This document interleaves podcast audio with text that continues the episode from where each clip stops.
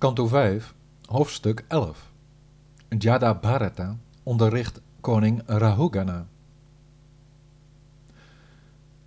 De Brahmaan Jada Bharata zei: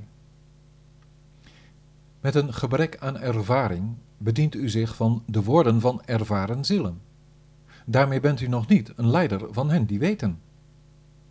Kwesties van gedrag als deze worden door intelligente zielen nimmer besproken zonder zich gunstig uit te laten over de absolute waarheid.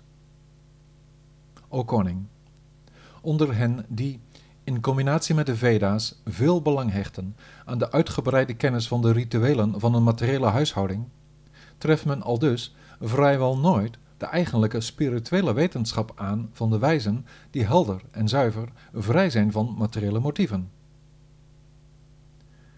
De zeer verheven kijk op de ware bedoeling van de Veda is niet direct de hunne, hoewel ze afdoende op de hoogte zijn van de woorden. Pas later ziet men vanuit de eigen ervaring in dat men het geluk van een werelds bestaan, dat is te vergelijken met een droom, achter zich moet laten.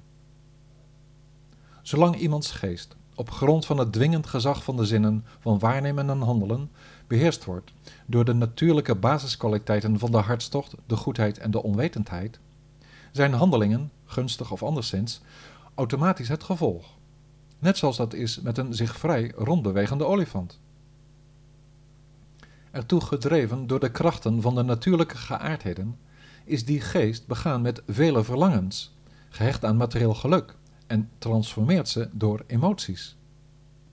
Als de belangrijkste van de zestien kenmerken typerend voor een materieel bestaan, aanvaardt de dollende geest verschillende vormen van leven met afzonderlijke namen. Aldus leidend tot verschillende geboorten, manifesteert hij zich in diverse fysieke verschijningen van een hogere en lagere kwaliteit. Als resultaat van de begoochelende werking van de materie, die het oorspronkelijke levende wezen omhult, creëert de geest voor zichzelf de visieuze cirkel van materiële acties en reacties. Hierdoor behaalt het in de loop van de tijd het geluk, het ongeluk en het andere zeer ernstige resultaat dat verschilt van deze twee, namelijk onmatigheid.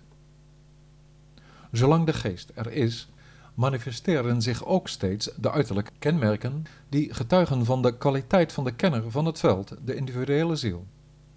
Om die reden spreken de geleerden van de geest als zijnde de oorzaak van het in lagere dan wel in hogere levensomstandigheden verwikkeld zijn in of vrij zijn van de guna's, de basiskwaliteiten van de materiële natuur. Gebonden aan de guna's raakt het levende wezen geconditioneerd, maar vrij van de geaardheden is er het hoogste voordeel van de zaligheid. Net als de pit van een lamp brandend rook produceert of anders juist geplaatst de geklaarde boter geniet en helder brandt, neemt de geest, gebonden aan de geaardheden, zijn toevlucht tot uiteenlopende materiële handelingen of, verkeert hij anders, helder functionerend in zijn ware positie van gericht zijn op de ziel.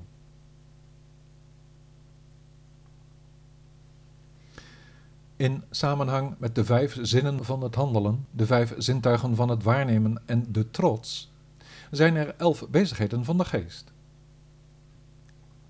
O held, men spreekt met die elf vormen van geestelijke betrokkenheid van de gebieden, velden of levenssferen, van de verschillende vormen van bezig zijn, soorten van zinsvoorwerpen en uiteenlopende plaatsen.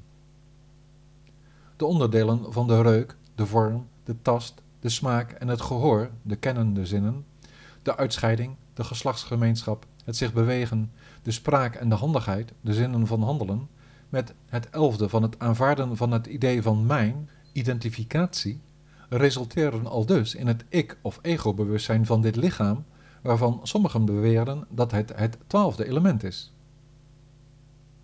Geprikkeld door de verschillende materialen, door de natuur zelf, door de cultuur, door het karma en door de tijd, worden deze elf elementen omgevormd tot de vele honderden, duizenden en miljoenen overwegingen van iemands materiële bewustzijn.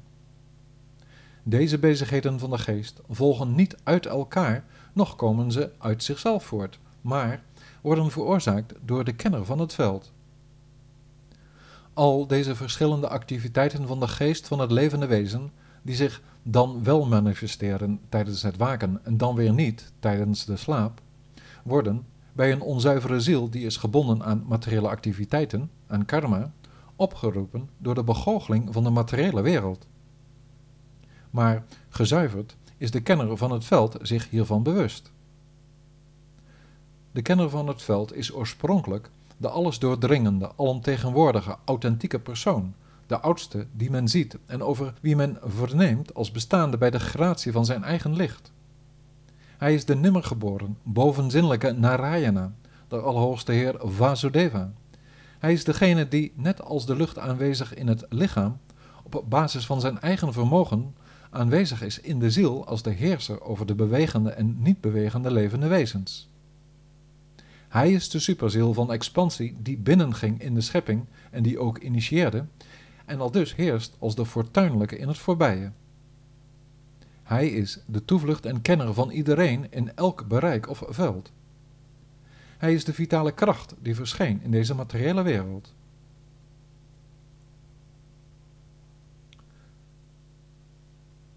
Zolang de belichaamde ziel, o koning, niet vrij is van deze invloed van de materiële wereld, door in vrijheid van gehechtheden wijsheid te ontwikkelen en de zes vijanden te overwinnen, de Chaturmi, honger, dorst, verval, dood, verdriet en illusie, zal hij moeten rondwaren in deze materiële wereld totdat hij weet heeft van de spirituele waarheid.